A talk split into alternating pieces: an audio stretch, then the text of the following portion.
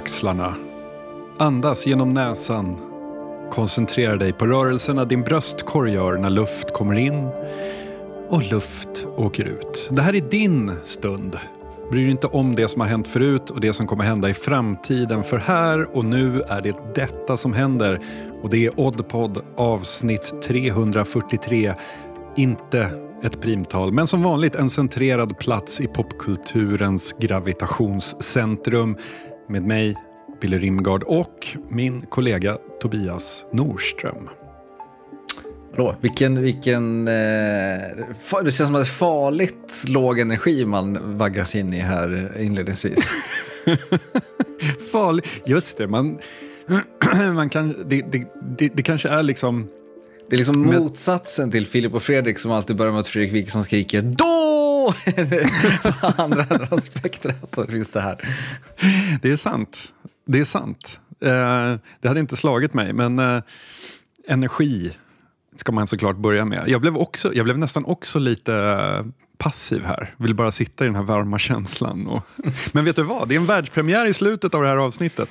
Så att om man står ut med den här låga energin nu, nej det kommer bli högre energi. Då kommer man vara med om något riktigt fint i, i slutet. Mm. Bara, jag planterar den där. Det gör du rätt i. Eh, om jag säger K5 Security, vad säger, vad, lock, väcker det några minnen hos dig? Uh, alltså jag tycker att det ringer bekant, men jag har ingen aning om varifrån eller hur. Den eh, 28 november 2014 så la vi ut ett avsnitt som heter Framtiden är redan här. Där vi bland annat mm. pratade om en polisrobot. Eh, ja. Som skulle användas på campus och i något köpcentrum någonstans i Middle USA. Och, och var det inte den som kom med en bild?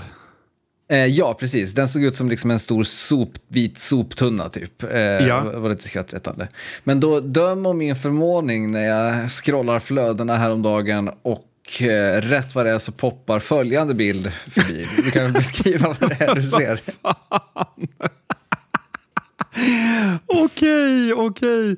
Eh, vi ser att det är i tunnelbanan och jag tror att det är New York för att i bildens centrum så finns det den här stora vita soptunnan som vi, som vi då pratade om. Eh, lackerad med ett blått NYPD-logotyp. Eh, omgärdad av väldigt glada polischefer antar jag att det där är. För att de ser ut ungefär som när polischefen hade presskonferens i The Wire. Um, det är en man där som står och försöker göra, han gör som ett halvt hjärta med fingrarna sådär, som om roboten ska försöka göra resten av hjärtat, men roboten har inga armar då, så det kan den inte göra. I alla fall det... den mannen är ju alltså då New Yorks borgmästare, Eric Adams, som, som, står där och glatt poserar. Kommer eh, den här Barbapapa-klumpen av metall åka runt på tunnelbanorna? Det stämmer, det är så här, det, det, det är något, någon satsning kanske är fel ord, men eh, K5 då ska alltså patrullera, till att börja med i alla fall, tunnelbanan på Times Square. Och ja, när, man, när jag liksom kollade upp vad det här handlade om så det är ju en, en ren PR-grej eftersom att då, det enda de pratar om i, i liksom runt att den här ska börja användas, det är att den är billig. Den kostar 9 dollar i timmen eh, och de ska testköra nu då i, i två månader. Eh, då kommer det först ta två veckor för att kartlägga hela tunnelbanan innan den kan liksom patrullera fritt eh, som en, någon slags jävla robotdammsugare. Men sen så är det liksom så här, den kommer inte kunna göra någonting. Eh, det enda den har det är, en kam eller det är ett gäng kameror som sitter på den så att den kan dokumentera saker som sker då. Men den kan inte spela in ljud exempelvis. Eh, och sen då så kan den då användas för att eh, kontakta en representant från NYPD eh, som är då direktlänkad till den här eh, roboten. De kommer liksom inte sitta och, och live-övervaka det roboten gör eller så, utan den, den ska liksom bara glida runt och sen fånga ifall det händer någonting. Och det intressanta var då i, i, eh, vad heter det, på sidan Engadget så var det någon då som sa att så här, den här roboten då kan ju då, som sagt, man kan använda den som att komma i nödkontakt med en, en polis om man klarar av att trycka på knappen. eh, så det är också ett litet hinder där då, att man måste först då liksom vara vid, eh, ja men ha, ha möjligheten att nå en knapp helt enkelt. Jag såg något som fantastiskt eh, klipp där de har, det är någonstans eh, där man har såna, in, inte riktigt sådana här, de är lite lägre. De är som, eh, jag skulle säga lite större än en klassisk ölback eh, på hjul. Och så åker de runt och, och levererar mat på campus någonstans. Eh, Mm. Och då så var det ett klipp där det är en Eh, Eh, det, det är en tågövergång eh, och eh, bommarna har åkt ner och så ser man så här, två stycken sådana där som står och väntar. Sen kommer en tredje bakifrån och bara kör förbi dem och blir slarvsylta när tåget kommer. Men jag känner också så här, det här kommer ju bli första gången vi kommer liksom ha människa on machine violence i, Just i, i, allmän, liksom i, i, allmänna, i allmänna utrymmen på något sätt. För, för det är bara en tidsfråga innan någon, någon maskerad person kommer knuffa ner K5 Security på tunnelbanespåret på Times Square. Ja, det där måste vi följa upp. Vi får lägga in någon så här eh, nyckelord eh, i sökning i Google News så vi får alerts om hur K5 eh, liksom... Kommer du ihåg vad konstigt det var när de lanserade den här? Att den polisen som då stod och poserade med den höll en pistol mot den. Nej, det minns jag inte, men det, ja, Jo, jag kommer ihåg det. Att han hade dragit puffran och satt den mot, liksom, som, som att han skulle avrätta den. Så stod han och skrattade. Liksom. Det var det var jättekonstigt fotografi som vi skrattade åt i podden då. Ja, nej, Ja. lycka till K5 säger vi. Ja, verkligen. Ja, K5 står ju för någon slags trygghet och det är någonting jag har tänkt en hel del på på sistone faktiskt. Det här med otrygghet kanske framför allt. Um, ehm, ofta uttrycker ju folk att de upplever otrygghet men jag tänker att det inte alltid är så att otrygghet behöver vara ett motsatsord till trygghet. Um, för så här, otrygghet är att de ska dra in ambulansen på norra Öland nu. Det är liksom otrygghet på riktigt. För det är en timme till Kalmar, folk kommer dö av hjärtstopp. Typ. Ehm, men otrygghet är inte att Bigges grill i Fruängen sen typ 25 år inte längre drivs av Bigge utan några andra. Det, det är liksom inte otrygghet utan det är någonting annat. För det är ju någonstans så att så här, när saker förblir som de var när man var liten så uppstår en känsla av trygghet som egentligen inte är trygghet utan det är snarare en varm känsla i magen. Eh, om man hade kommit in i grillen och Bigge stod där så hade man, det hade känts tryggt men egentligen så är det ju något annat, alltså no åt nostalgihållet. Det är lite samma sak som att vi tittar på nyproducerade Star Wars-serier för att inte för att det är bra stories, utan för att det viktigaste är att man ska få landa in i den här världen där man blir lite varm i magen. Men så du menar liksom att, av, så att säga, avsaknaden av den här tryggheten är, nödvändigt, är nödvändigtvis inte otrygghet, så att säga? Nej, exakt. exakt. Och anledningen till att jag kom att tänka på det här är att jag såg en video från en musik-youtuber jag följer som heter Alex Ball. Eh, och han har en så antik, eh, ja antik, alltså från 80-talet, en sampler eh, som han skulle göra en video med. Och eh, en sampler är ju liksom en maskin som man spelar in ljud och sen kan göra saker med. typ. Eh, och han hade fått tag på lite grejer av sin kompis eh, Andrew. And Andrew has in his possession a number of things that used to belong to Genesis, including this rather innocuous looking box of diskettes that used to belong to a Mr. Phil Collins and a Mr. Mike Rutherford. So I thought in this video we'd find out what's on these discs.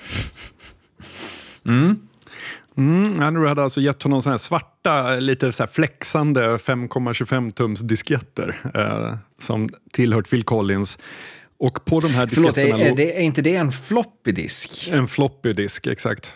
FN-diskett, eller man kanske säger diskett om det också, men i, i mitt huvud har jag alltid tänkt att diskett är 3,5 tums varianten, den, den lite hårdare plastgrejen. Och floppy är den, den större.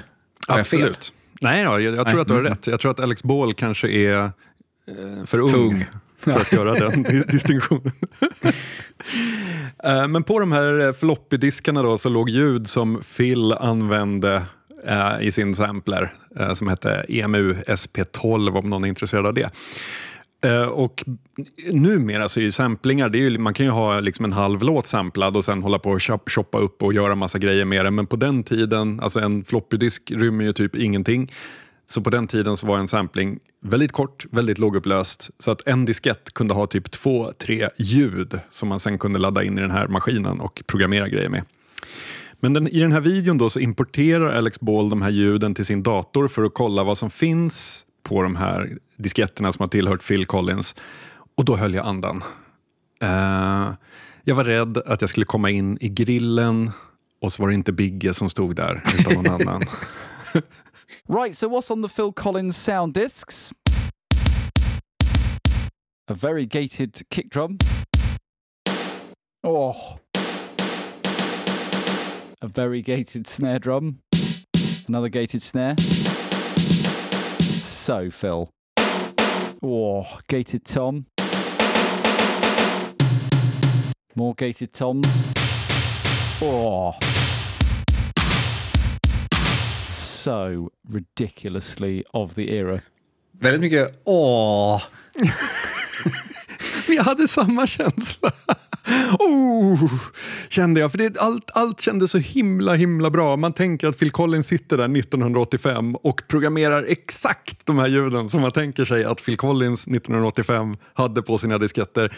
Eh, det hade varit en enorm känsla av otrygghet om eh, han hade laddat in de här ljuden och det visade sig att Phil Collins hade en låda liksom med pruttljud och ankor typ.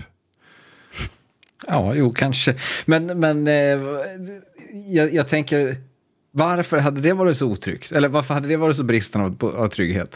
För jag, men menar, då så hade här, du kan ju, det, jag kände så här att det var ju lite trist nästan att det var så patenterat Phil Collins på något sätt. För att det, det, det, då känns det bara som att ja, jo, det, det, ja, det är nästan så jag ifrågasätter om de faktiskt har tillhört Phil Collins eller om det är någon som bara stoppat in dem och, och bara så här, hm, det här låter lite Phil Collins, så här kan vi säga att Phil Collins har ägt. no, men jag, nej, jag tycker tvärtom. Jag, tyck, jag tänker att man har en så bild av så här, vem, vad var Phil Collins? Eh, och så har man en extremt tydlig bild av vad han var och är, men då hur, hur liksom... Eh, och sen så när man får det liksom bekräftat, just det, han satt där och meckade med de här grejerna. Det var inte bara...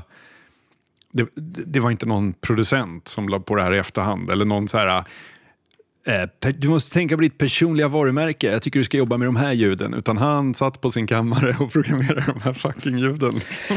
ja, men det måste jag säga, det går ändå lite grann emot bilden av Phil Collins jag har. Alltså visst, jag fattar att han är ju en, en ljud engineer, eh, om så autodidakt. Alltså jag, det, det, det, förstår jag, men jag har svårt att se honom sitta och programmera eh, ljud på det sättet. Han, I mitt huvud är han mer en organisk musiker än en digital. Just det, just det. Ja, vi skulle kunna gå in på... Um... Det är som att Peter Gabriel var mer en sån, om man tänker Genesis, som satt och programmerade konstiga syntljud. Liksom. Medan mm. Eh, Phil satt och liksom satt, satte tajta licks på pukorna. Just det. Ja, vi ska inte gå in för djupt på det nu, men det finns en väldigt bra så här, uh, BBC-dokumentär om inspelningen av hans första soloalbum där han pratar mycket om det där att liksom de, de, alltså, genom att programmera, alltså trummorna i In the air tonight till exempel, alltså um, att folk sa så här, men varför har du en trummaskin som bara loopar samma slinga? Du är ju, du är ju trummis, varför spelar du inte själv?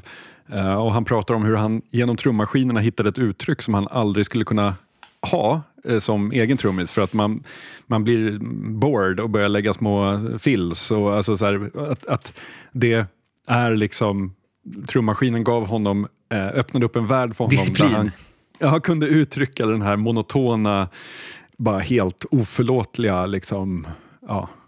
Så. Men i den dokumentären spelar han väl även trummorna i In there tonight live på, på trumset va? Och pratar det, över hur, hur, hur de är uppbyggda och så vidare. Det, det, det klassiska stora fill-inat med dadam, dudum, dudum, dudum. Ja. Mm. Enough Phil Collins. Vi ställde i förra avsnittet oss frågan hur kunde Oppenheimer bli en sån succé? Vi slängde ut en fråga där. Vad, vad tror ni? Vi har fått lite feedback på det. Eh, Björn L eh, kommer med han, en, en eh, väldigt konkret. Han skriver så här. Folk är nyfikna på allt som Nolan gör plus det var bra recensioner. Inte så mycket konstigare än så. Tänk om, vi, tänk om vi skulle ha haft Björn Ls approach till allting i podden. Då skulle den, här, skulle den vara kort. Och man liksom bara säger, ja men så här är det, inte så mycket konstigare än så.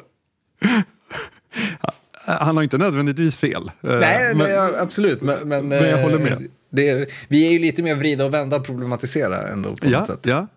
Och det för oss till Tobias W som skriver så här. När jag lämnade biosalongen hade jag känslan att Nolan inspirerats av Tjernobyl, alltså HBO-serien då. Eh, Oppenheimer var inte först med den här typen av utmärkt berättande. Oppenheimer hade kanske inte kunnat gjorts finansieras alls om inte Tjernobyls succé gått före. Det är en intressant take tycker jag.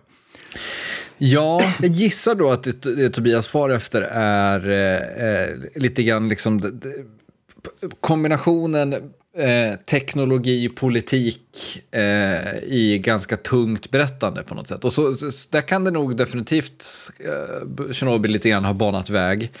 Eh, men, men jag vet inte om jag, om jag tror att det är det som har gjort, Chernobyl, eller gjort Oppenheimer till en succé. Jag, eh, ehm, jag roade mig med att googla hur många som såg Tjernobyl och eh, eh totalt genom hela serien enligt deadline.com då så drog Chernobyl ihop 8 miljoner tittare. Eh, vilket ju är eh, ganska bra för ett HBO-drama eh, dessa dagar. Det ska sägas, jag tror att det bara är det linjära tittandet. Eh, men jag tänker att det ändå är indika, indika, indifikativt, nej jag kan inte prata, att det tyder på någonting. Du, du valde mellan fäkta eller fly och du valde Ja. fly. Ja. Ja. Eh, eh, men jag tänker ändå att det liksom inte är tillräckligt för att förklara Oppenheimer som en sån enorm publiksuccé världen över. Eh, bara för att folk såg Chernobyl och tänkte det här vill jag ha mer av. Eh, så, så att en bit av förklaringen, men inte den hela, kanske man skulle kunna säga. Eller vad, vad tror du? Uh, ja, men alltså, det, det var bara en intressant... Jag, jag har ingen eh, uh, bu eller bä av den uh, egentligen. Uh, men jag hade inte tänkt på Tjernobyl i uh, Oppenheimer-kontexten. Och det var inte bra, bra take tycker jag. Mm. Eh, sen så eh, Pelle Sten föreslår att det är Barbenheimer eh, effekten och The Guardian ger honom rätt. Ehm, det var faktiskt lite lustigt att bara några dagar efter förra avsnittet så kom The Guardian med en artikel på ämnet eh, där liksom tesen är att den här gamla filmstudiosanningen att man inte ska ha premiär samtidigt som en annan stor film eh, sprack lite i somras. Därför att Oppenheimer kan ha varit eh, så här, framgången av den kan ha varit att den gick upp som ett alternativ till Barbie. Att man liksom skulle sälja tre timmars amerikanskt samvetskval eh, helt fristående kanske skulle ha varit svårt, men som ett alternativ och i kanske i opposition mot Barbie eh, så funkade det väldigt bra. Tror, vad, vad, vad ger du den taken då? Svårt. För jag, jag tänker att det definitivt också kan vara en bidragande orsak, men jag har, så, det här pratade vi lite grann om inför eh, att Oppenheimer och Barbie skulle ha premiär också, att det är så två vitt, alltså, vitt skilda grejer att jag har svårt att se hur de liksom driver eh, varandra ren... Alltså så, jag fattar att, att det gör att det skapar kännedom om att det här äger rum. Det, det skapar kännedom om att båda de här filmerna har premiär. Eh, och det kanske hjälper då Oppenheimer lite mer som är en, en mer kanske svårmarknadsförd film än, än Barbie. Eh, men jag tänker också, och, och, och en annan grej som det kan göra är att det skapar en liksom en, en, eh, en idé hos folk om att det här är en filmhelg. Eh, Nu har två storfilmer premiär, det betyder att vi borde gå på bio i helgen. Eh, Just det. det, det, det kan jag köpa, men just att liksom så här... Och sen tror jag också att det är så här, i och med att de är så vitt, vitt skilda från varandra, att de inte tar av varandra så att säga. Hade det varit liksom Batman vs. Spiderman, då finns en, en större risk att så här, äh, samma målgrupp måste göra ett val. Eh, ska jag se den eller ska jag se den? Medan i det här fallet så tror jag liksom inte att så här, äh, det är klart att det var massa filmintresserade människor som gick och såg båda två, både Barbie och Oppenheimer, men jag tror ju att den, den, den stora majoriteten valde den ena och sket i den andra. Ja. Eh, lite grann. Eh, så att, där i finns det ju någon sanning. Det kan definitivt ligga någonting i det, för jag, jag kommer ihåg hur ens eh, Insta-stories och så vidare var full, fulla av folk som skulle gå på jag såg betydligt fler Barbie-goers än Oppenheim-goers därför att eh, Barbie-goerna de hade klätt, klätt upp sig i rosa kläder och eh, liksom gjorde en grej av att gå på Barbie. Men det gjorde också den här känslan av att oj vad många det är som är på väg till olika bios. Eh, vad, trevligt, vad trevligt de har det. Eh, det kan ju absolut eh, placera handlingen att gå på bio i centrum på något vis. Ja, eh, det, det, så, så kan det såklart vara. Men det, det som jag liksom tror skaver lite i Barbie-grejen, det är att jag tror inte att det, är hel, att det bär Oppenheimer hela vägen till att vara en av årets tre största filmer när det är den typen av film det är. Eh, alltså ett kostymdrama eh, som liksom till stor del består av rättegång, till stor del består av, eller rättegång, men liksom förhör och grejer och lite kamp, lite kamp om att utveckla atombomben. Det, det i sig tror jag inte liksom så här, att den har premiär samma helg som Barbie tror jag liksom inte räcker riktigt för att den ska bli så stor. Eh, och jag, jag är fortfarande inte helt säker på, jag har fortfarande inte någon he- helt, som jag känner, klockren idé om hur den här eh, filmen ku- kunde bli sån jättekassasuccé. Eh, Får vi gå på är- Björn Els läsning så har vi gått i mål med diskussionen. Ja, absolut. Ehm, jag tänkte vi skulle rikta, blick- rikta blickarna mot Centralamerika lite grann. Ehm, precis, innan, eh, precis efter att vi hade spelat in eh, vårt förra avsnitt och innan det släpptes så kom en nyhet som jag tror åtminstone hade slidat in i det avsnittet, nämligen eh, den mexikanska kongressen och deras uppvisning av utomjordingar. Jag gissar att du har sett det här. Eh, det, det kändes som att det var ju liksom ett dygn kanske av att folk bara va? Och sen så, sen så fattade alla att ja, okej, det är någon charlatan som är ute och härjar. Men det, vad heter det, så jag tänkte så här, vi, vi ska inte gräva ner oss för mycket i hela den här storyn. Det, det är ju uppen, uppenbart att det är någon, eh, vad heter det, är en, en person som har försökt vinna uppmärksamhet genom att göra sånt här förut, som- nu då har byggt någon slags fake skulpturer som, som eh, av någon anledning då ska visas upp i den mexikanska kongressen. Men vad skulle du ge de här utomjordingarna för betyg? Det är någon slags, alltså så här, när, man, när man bara tittar på den, eh, med en stillbild, så är det ju väldigt... Det är ju hårfin gräns mellan eh, att vara en alien eller en kruka det hade också, rubriken, om, om rubriken hade varit så här, äh, en lerkruka från 2000 före Kristus hittades när man skulle bygga ett hus, så hade jag också bara, aha, coolt, typ. Eh, ett, det ser väldigt mycket ut som en populärkulturell utomjording.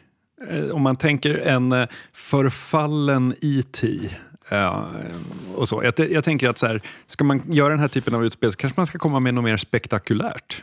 Någon squid.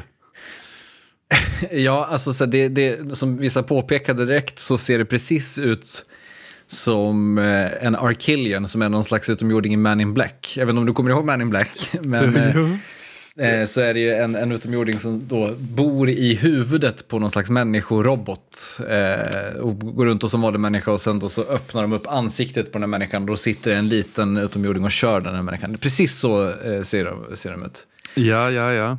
Eh, men men jag, jag tänker så här, du säger utomjordingar eller kruka, de lär väl rimligen betygsättas som utomjordingar, eller det kan jag känna.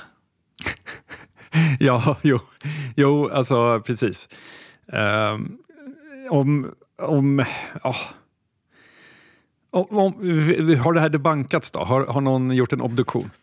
Eh, alltså, det, är, det här är det bökiga är ju då att han då som har presenterat de här menar ju att de har ehm, eh, liksom tagit, det har tagits x-ray-foton på dem på något labb. Och de här X-ray-fotona då har liksom visat att de har någon slags skelett. Det har gjorts någon slags biologiskt test på dem där de innehåller, det, det, jag minns inte exakt, men jag tror att det var 30 procent av DNA är någonting som vi inte känner igen överhuvudtaget.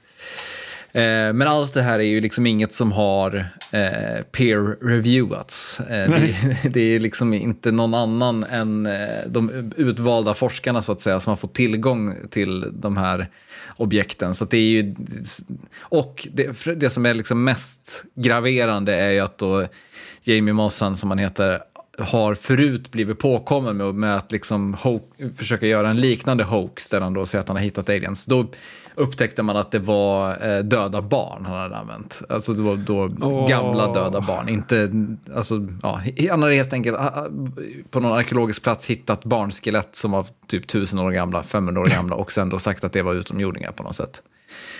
Eh, så att det är han, intressant att man inte nöjer sig då med att säga jag har hittat barnskelett som är tusen år gamla. Ja, men jag, jag kanske, de kanske inte var tusen år gamla för då hade det väl varit ett, ett riktigt fynd. Men, men det, var, han, här, det viktiga var, det jag ville förmedla var att han hade inte mördat barn för, att, för att göra sin tidigare hoax. Men så att alla är ju liksom helt, ja, det finns ju ingenting som tyder på att det här skulle vara på riktigt om vi säger så. Nej. Två av fem. Men, men är man för eller emot den här typen av stunts då? Jag är ju för att det sker i den mexikanska kongressen, för det, det är ju spexigt på något sätt. Eh, ja. alltså jag hade, det hade varit kul om liksom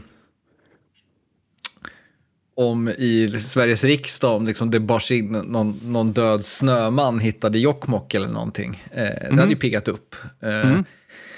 Däremot så, liksom som, som, som tilltag i stort så är det ju är det ju svårt. Det är ju en ding-ding-värld och det enda som gör att det blir någonting annat än en ding-ding-värld är just för att de visar upp det i kongressen i, i Mexiko på något sätt. Mm. Två av fem. Ja, två av fem. Det är bra. Jag eh, läste en krönika i veckan. Eh, den är skriven av Andres Locco och handl, det, var, det var ju någon så här konstigt utspel kring, eh, alltså Socialstyrelsen kom med någon så här grej om någon gräns för hur mycket, eh, deras rekommendation, hur mycket alkohol man bör dricka eh, som max. Och folk gjorde sig väldigt lustiga över det för att det var så lite. Typ fyra glas öl på en månad eller någonting sånt.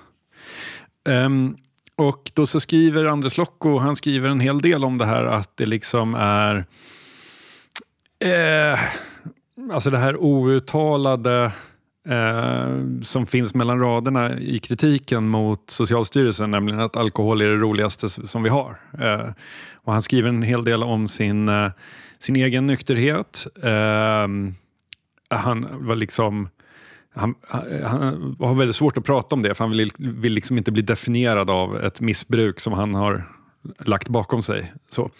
Eh, men i slutet av den här krönikan så tar han upp någonting som jag tycker har något. Eller som, ja, allt, allt har något. Jag ska inte förringa hans, eh, eh, det han skriver om eh, sin nykterhet. Men i slutet så skriver han så här, jag läser en, ett, en snutt här.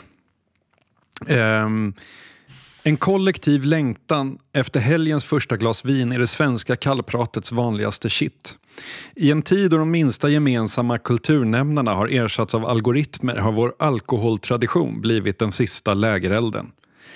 Eh, det är nu inte spriten eller berusningen i sig som gör oss lite korkade och vår smak osofistikerad.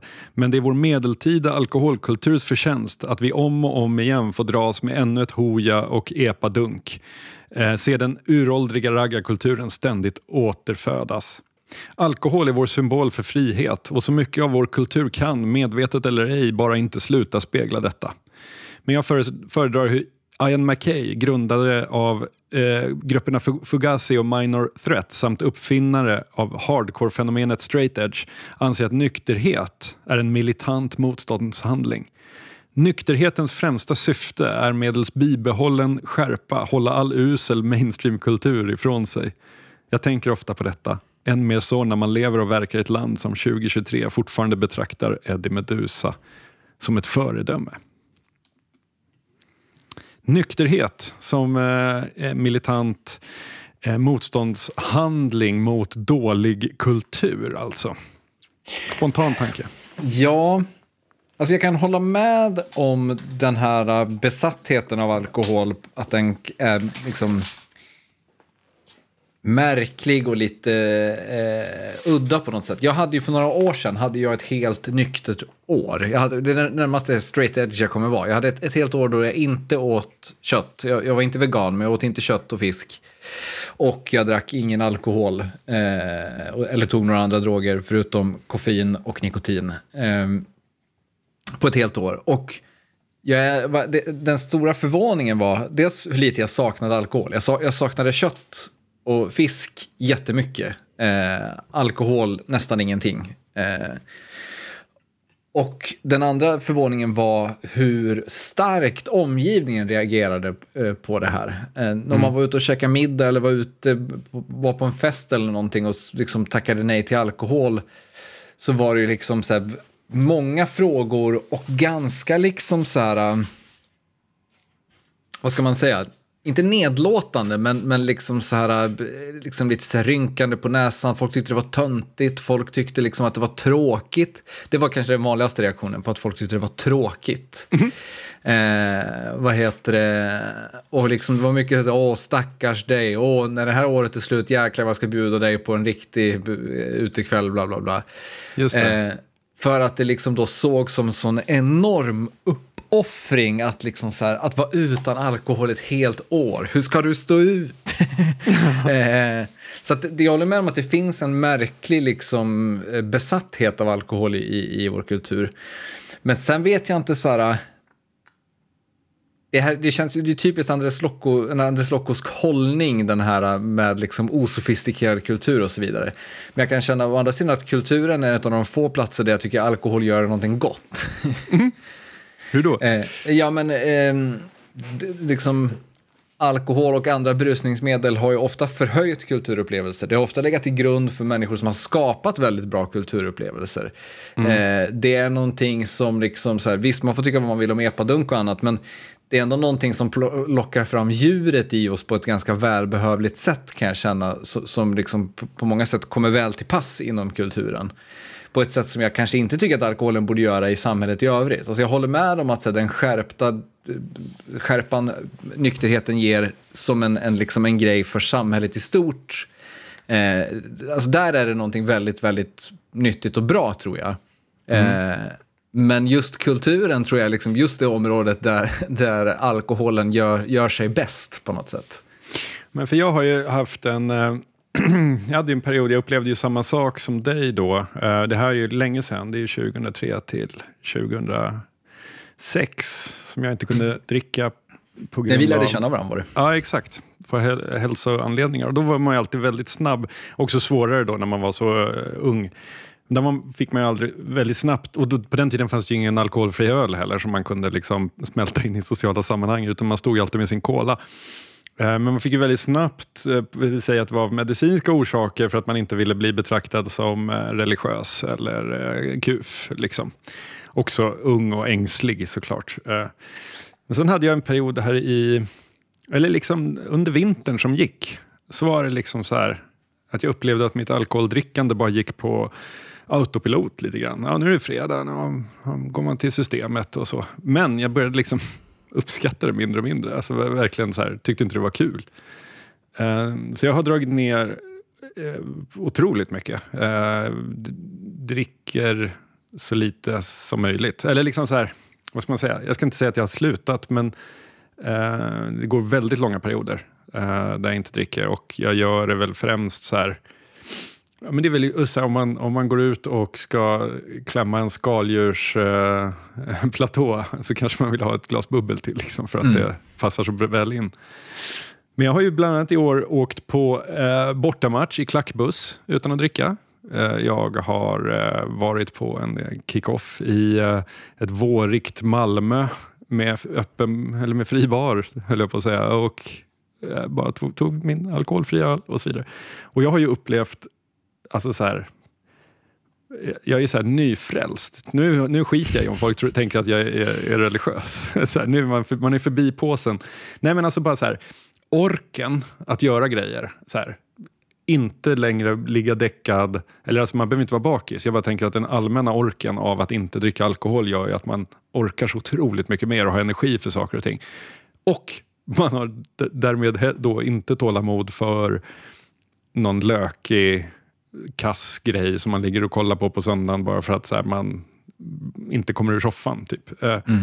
Så jag köper ändå in i det här resonemanget rätt mycket för jag har orkat ta till mig kultur och ställt krav på min kultur eh, på ett helt annat sätt det här året när jag nästan har, ja, förutom alltså så här, Ja men upplever du att din kulturkonsumtion tar skada när du dricker? Alltså att du, att du konsumerar med skit eller om man ska säga, saker som liksom inte ställer krav eller som inte är utmanande eller som inte är, inte är spännande? Ja men så här, när man när man har långa perioder av nykterhet och får så här svin mycket gjort och man läser böcker och man liksom hinner med att göra grejer, man har, äh, man har alltid energi, man mår mycket bättre, man har liksom tålamod att göra grejer med ungarna och så vidare. Ehm, då, I de perioderna, när, om man är väldigt produktiv och liksom eh, håller på att pyssla med, med, sina saker och sånt. Då har jag ju kommit på mig själv att tänka på så det här Johnny Thunders-idealet som kommer med, med rocken. Liksom. Eh, 70-talet var jättebra, jag minns tre månader. Eh, liksom. Eh, det är ju en, alltså det som Keith Richards och andra eh, såg som en rebellisk handling. Det som Locko skriver här om, om liksom vår största symbol för frihet, att få vara full och liksom knarka. Typ. Det är ju egentligen en, eh, en, en boja för den kreativa människan. liksom, att eh, trycka undan. Så här, du, du, kommer inte ha tid att göra, du har inte tid att skriva dina dikter eller spela in dina filmer för du kommer vara för upptagen med att eh, ligga och sappa reality-tv för att eh, eh, palla dagen, om du förstår vad jag menar. Jo, jo jag förstår, men, men det, det finns liksom någonting i i också bara faktumet att, alltså tänk alla som har behövt alkohol eller droger för att skapa de sakerna. Alltså det finns, nu är Keith Richards nykter. Det är ju inte nu ja. han är som bäst, så att säga. Nej, man kanske ger av en anledning. Liksom. Jo, ja. såklart. Men, men, eh, du förstår vad jag far efter. Att det, är liksom, så det, det är också, man, så här, jag, jag, håller, jag håller helt klart med om att så här, man får mycket, det är liksom väldigt bra och sunt och härligt att vara, att vara nykter. Men det, det är också någonting som har gjort väldigt gott för kulturutövare och kulturskapare genom eh, historien. Eh, sen fattar jag också att det i grund och botten har funnits saker som kanske inte har varit så sunda i det, så att säga. Men, men Eh, men, men likväl eh, så, så har det funnits där som en krycka eh, på något sätt. Men sen så vill jag också lägga till att vad heter det, den här liksom jag, jag tror inte att folk känner att deras frihet är hotad lika mycket som jag tänker att det här är liksom sista grejen de har som de vet är dåliga men som man inte bannas för om man ska säga. Alltså vi, vi tänker liksom att så här, tobak, framförallt då rökning, har, har vi liksom lärt oss att det är liksom okej okay att titta äcklat på någon som röker mer eller mindre. Mm. Eh, vi har liksom bombarderats av att liksom rött kött är, får du cancer och, av det är dåligt för miljön och grejer. Så att det liksom, vi har saker som flygskam och så vidare. Och alkoholen har vi liksom varit förhållande... Alla vet liksom att det är skitdåligt för hälsan med alkohol. Men så länge vi inte liksom så här pratar om det eller någon ska påpeka det hela tiden så är det liksom lugnt. Och nu mm. tror jag, jag tror det är den stora grejen, att folk är rädda att nej, nu kommer det här bli som det är liksom med, med eh, rökning och rött kött. Att så här, folk kommer mer och mer påpeka att du borde kanske inte dricka det där. Och det är en jobbig grej att känna skulden på något sätt. Fan, jag fick en, uh, en så här Insta-story-reklam. Uh, om, om det är så här, man har många brister, men är det någonting som jag är så stolt över mig själv så är det att eh, jag på, på, på, gamla dagar har eh, lärt mig laga schysst käk. Att man kan servera schysst käk här hemma till ungarna och sånt. Um, och så bara får jag från så här hjärt och lungfonden någon jävla köpt reklam där det är så här hur mycket salt använder du? Vet du att rekommenderat intag är... Och man bara, men fuck off. Jag gör, jag gör mat som smakar så jävla bra. Min tomatsås är en killer. Kom inte här och dissa mitt saltande nu också. Liksom. Eh, och jag menar, där, någonstans där så börjar det bli en fråga om livskvalitet. Om man, om man lever 90 år istället för 80 men ens tomatsåser aldrig smakar någonting, var det värt då? Var det värt det? Där är du med, där, med saltet där är du fortfarande dansk, men med alkoholen ja. så kan du anamma det svenska så att säga. Ja, men absolut. absolut. Ja, men jag tycker det ändå det är en... Um, jag har alltid, alltid haft, liksom, man, man har rört sig i miljöer där kultur varit så nära förknippad med alkohol. Alltså, att stå i ett publikhav och se ett röjigt jävla band uh, och vara liksom berusad, det är ju en, en förhöjande och upplyftande uh, upplevelse. Ja. Så. Och det är liksom inget så alkoholglorifierande, det är bara så här, rent kemiskt. Ja, så tar jag den här substansen och min hjärna utsöndrar mer belöningsgrejer och därmed så blir det, alltså det, det handlar liksom inte om att det är alkoholen i sig som är någon slags härlig grej, utan Nej, exakt, det, det, exakt. det är ren biologi. Exakt. Det, och det, det, alltså det är samma sak som att ta ecstasy och lyssna på trance, typ. Ja. Eller vad fan som helst.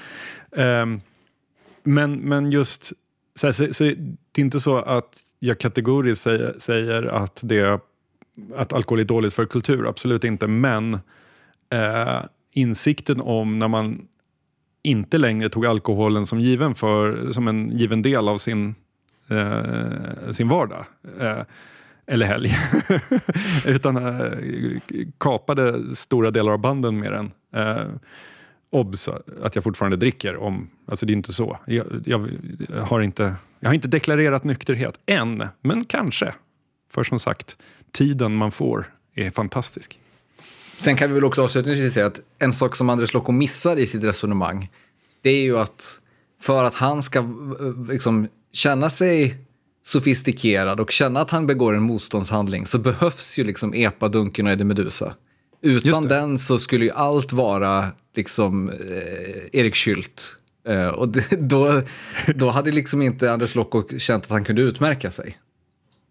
Och om det hade varit sofistikerade rakt över. En nykter, eh, en helnykter kulturparnass som eh, liksom konsumerade så.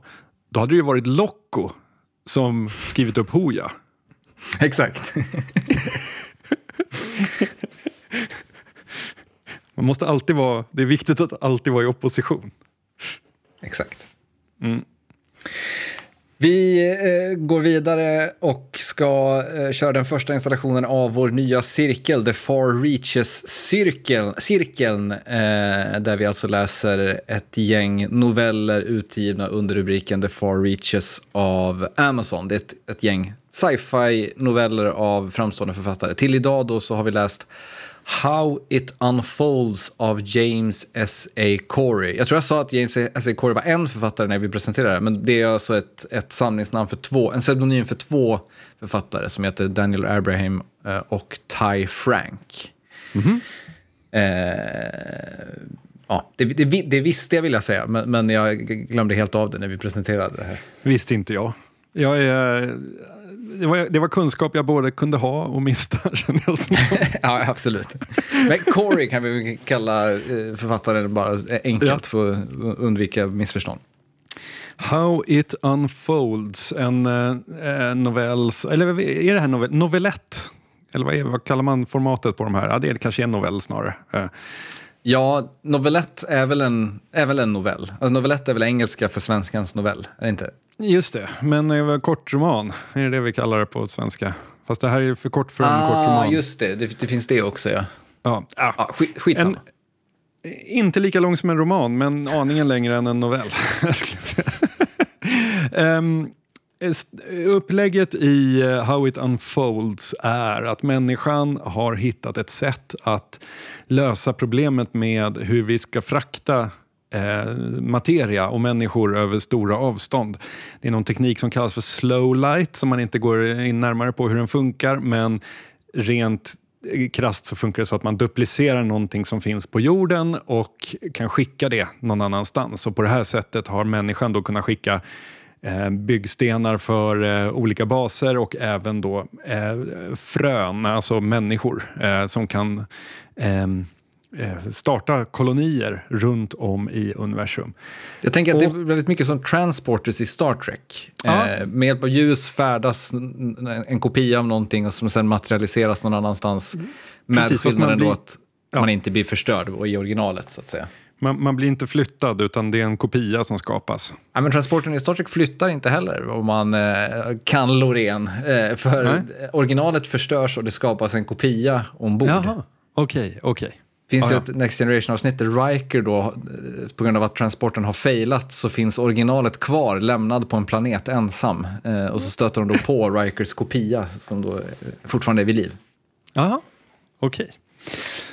Ehm, och då så, eh, huvudpersonen vi får följa har alltså tränat för att bli en av de här som beamar ut i eh, ett par år. För man behöver ju ha ett visst sätt av skills, kunna lite eh, reparera lite pipes och dra lite el och fixa med prylarna på de här kolonierna då.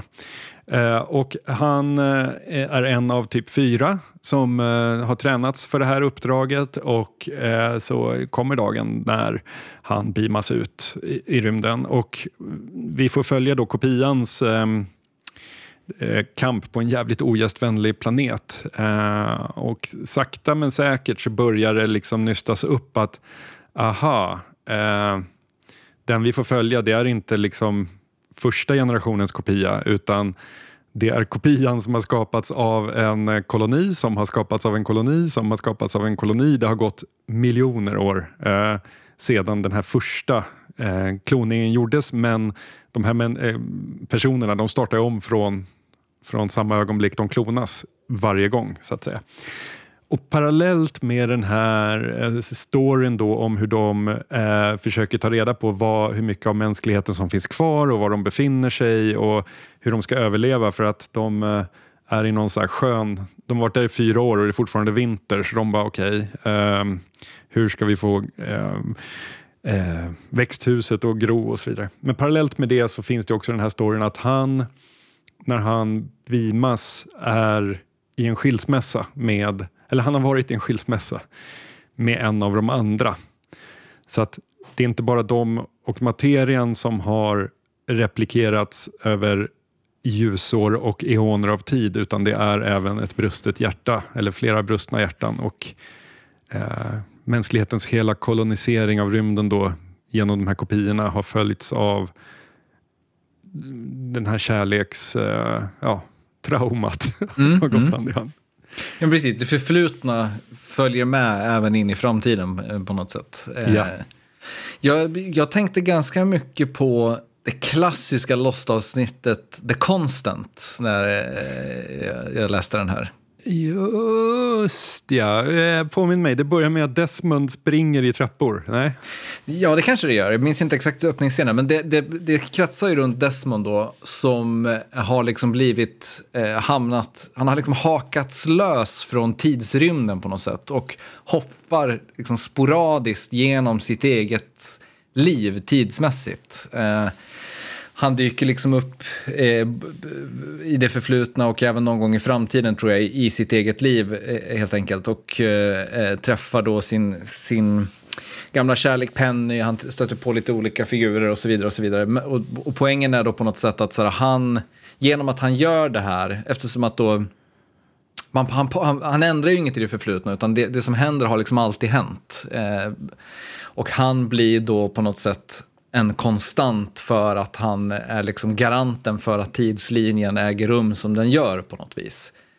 Eh, Desmond finns alltid på de här platserna vid de här tillfällena, för det är det som liksom är förutsättningen för att saker sker som de sker. Eh, men det är dessutom då, det som är så fantastiskt med det här avsnittet är ju att det dessutom då är liksom en historia om just kärlek i och med att han får det här upphackande, eller upphackade eh, uppleva liksom sitt förhållande med Penny på det här upphackade viset. Eh, I och med att han hoppar då fram och tillbaka i tid eh, och träffar henne då vid olika tidpunkter. Och det är väldigt vackert eh, hur, hur Lost lyckades sy ihop den, den, den grejen. Här är det liksom inte tidsresor på det sättet riktigt, men i och med att berättelsen eh, har liksom en ganska uppbruten kronologi så blir det, får man sådana element ändå på något sätt. Man får liksom bitar av det förflutna och bitar av mittemellan och bitar av något slags nutid här och var. Eh, och sakta men säkert börjar liksom någon slags bild ta form. Och just det greppet tycker jag liksom är det som lyfter den här eh, novellen eh, till att den liksom bara är en, en ganska intressant idé om hur mänskligheten hoppar framåt genom miljoner år av tid. Mm. Vad, vad kände du själv? Ja, absolut. Jag tycker ju att det kommer ju en, alltså deras eh, en kamp på den här extremt ogästvänliga planeten landar ju i slutet in i eh, twisten att de är tillbaka på jorden som ju är långt, långt in i framtiden eh, och helt förstörd. Men då är det ju liksom en av de här kolonierna eh, som människan lämnade efter sig genom att duplicera de här människorna. Eh, Eh, har ju då i sin tur duplicerat dem och beamat dem tillbaka till jorden för att försöka. Men det var en sak som greppade mig där när de sa så här efter ett par år där när de säger så här, ja, eh, det är så ogästvänligt, bla bla bla, kan vi, starta, kan vi börja terraforma så att man kan andas utan eh, eh, direkt typ. Det är höga halter klorin i atmosfären. Just det. Mm. Och de bara, Ja, vi kommer ju aldrig det, men kanske våra barnbarnsbarn. Eh, liksom, alltså, alltså, just det här hur kort, alltså i, i galaktiskt perspektiv så är människans liv så kort att även om man då har tekniken att bosätta sig på en annan planet. Alltså innan man har lyckats göra den beboelig eller ens börjat skrapa på ytan av mm. att etablera en, en, en uh, självförsörjande bas så kommer det ta liksom generationer. det, det är en så... Det här, jag tänker att det här är en novell om man hade gått på gymnasiet och gått omkring och varit olyckligt kär och tänkt på rymden, hur stor den är och så läser man den här som kombinerar de där två. Man hade liksom varit sådär det här är det bästa jag någonsin har läst. Den har ju liksom vissa så sentimentala element, alltså som, som lite så här interstellar-grejen med att det finns one unifying force och det är love. Mm. Eh, I liksom så att han har eh, då på alla kopior som har gjorts av huvudpersonen Roy som har skickats ut så följer liksom med en förlovningsring som han eh, en dag planerar att fria till sitt ex, eh, till sin exfru till igen. Eh, men, men det kan jag på något sätt ha ganska mycket överseende med, för det känns som att den här historien är liksom inte hard sci-fi på det sättet att den, den liksom den är egentligen inte så intresserad av hur överlever människan. Den är mer intresserad av så, vad händer med oss över tid på något sätt. Eller vad händer med oss i det, liksom, ett större perspektiv? Vem är människan i ett större perspektiv? Det är liksom det som på något sätt är temat snarare än hur, hur skulle det funka teknologiskt att få oss att flytta runt galaxen. Eh, ja. Så det, det, kan jag överkänna med. Den, den enda saken jag liksom så störde mig på rent science-mässigt var liksom inavelsproblematiken. I att så här, jag, jag, väntade liksom på så att det förr eller senare skulle liksom uppenbara sig att de är flera tusen människor egentligen. Men man får liksom bara träffa åtminstone fyra, fem, mm. fyra. Eh, och det är ju liksom inte nog för att skapa flera generationer. Eh, Nej. Så där, där tänk... är, finns det ju ett problem som, man, som jag i alla fall åtminstone inte kunde låta bli att tänka på emellanåt när jag läste det här. Jag tänkte på det när det var liksom eh, eh, jag tänkte också på det för att jag kom att tänka på Alex, Arthur C. Clarks Rama-trilogi, eh, eller ja, det var fyra böcker, fem böcker kanske till och med. Eh, men där läggs ju jättemycket tid och kraft på att förklara vem som måste para sig med vem och så vidare för att det ska bli en hållbar linje neråt. Mm. Det var inte så mycket val man hade där utan det var liksom ni två måste. Och sen är det er två som ska ta det sen och så vidare. Men överlag gillade jag den. Eh, jag med. Tyckte den var fin. Jag tyckte den var jättehärlig och det var också så här, det var en perfekt blandning mellan lite så hard sci-fi, eh, göttig eh, rymdkolonisering eh, och eh, lite män, mänskliga känslor. Eh, jag älskar, alltså jag tyckte jättemycket, alltså om man jämför det här med de här utopiskiten vi läste för ett år sedan så är det här, det här är ju grejen. Det är ju så här mm, man ska berätta. Jag, jag håller helt med. Och jag tyckte så här, jag funderade ett tag på också, typ att, för jag tyckte att upplägget var så bra. Bara så här, var det, om jag tyckte att det var synd att den var så kort, men den var liksom perfekt egentligen i sin liksom begränsade längd. Att, att det liksom blev ganska så bara ett, ett eh, inte, inte en ögonblicksbild, men, men ett, ett litet så här, brottstycke ur någonting mycket större. Snarare än att det här skulle liksom bli ett, ett ett treböck, en treböckers berättelse om människans överlevnad på något sätt. Det var fint att det här handlade om ett mänskligt öde bara på något vis. Eh, på, ja, egentligen mm. flera mänskliga öden då, men eh, ja, bökigt med klonade och sådär. Och till nästa gång? Till nästa gång då är det dags för del två då ur Far Reaches-serien och det är novellen Void av Veronica Roth. Mm. Som vi då läser till om två veckor. Kul! Och nu kommer det alla ha väntat på. Ja, exakt. Det är dags att avrunda avsnittet och idag så ska vi gå ut på en uh, helt ny låt. Uh, för en tid sedan så var det så att jag och David Pagmar bestämde oss för att börja lira in lite låtar och se vart det tog oss. Egentligen helt utan plan. Uh, och nu så har vi ett band som heter Halvstorm uh, eh, och vi har fyra låtar som vi kommer att släppa här under hösten. Um, och uh, ja, jag tänkte att vi kunde gå ut på en, en sån. Den första av de låtarna som heter Avjord och är en rökare. Fantastiskt att kunna avsluta med det. Ja, jag tänker att man får använda jag, de små liksom, fönster av promotionmöjlighet som finns. Ja, det tycker jag vi gör absolut rätt i. Så eh, då rullar vi ut den helt enkelt och så hörs vi igen om två veckor. Det gör vi.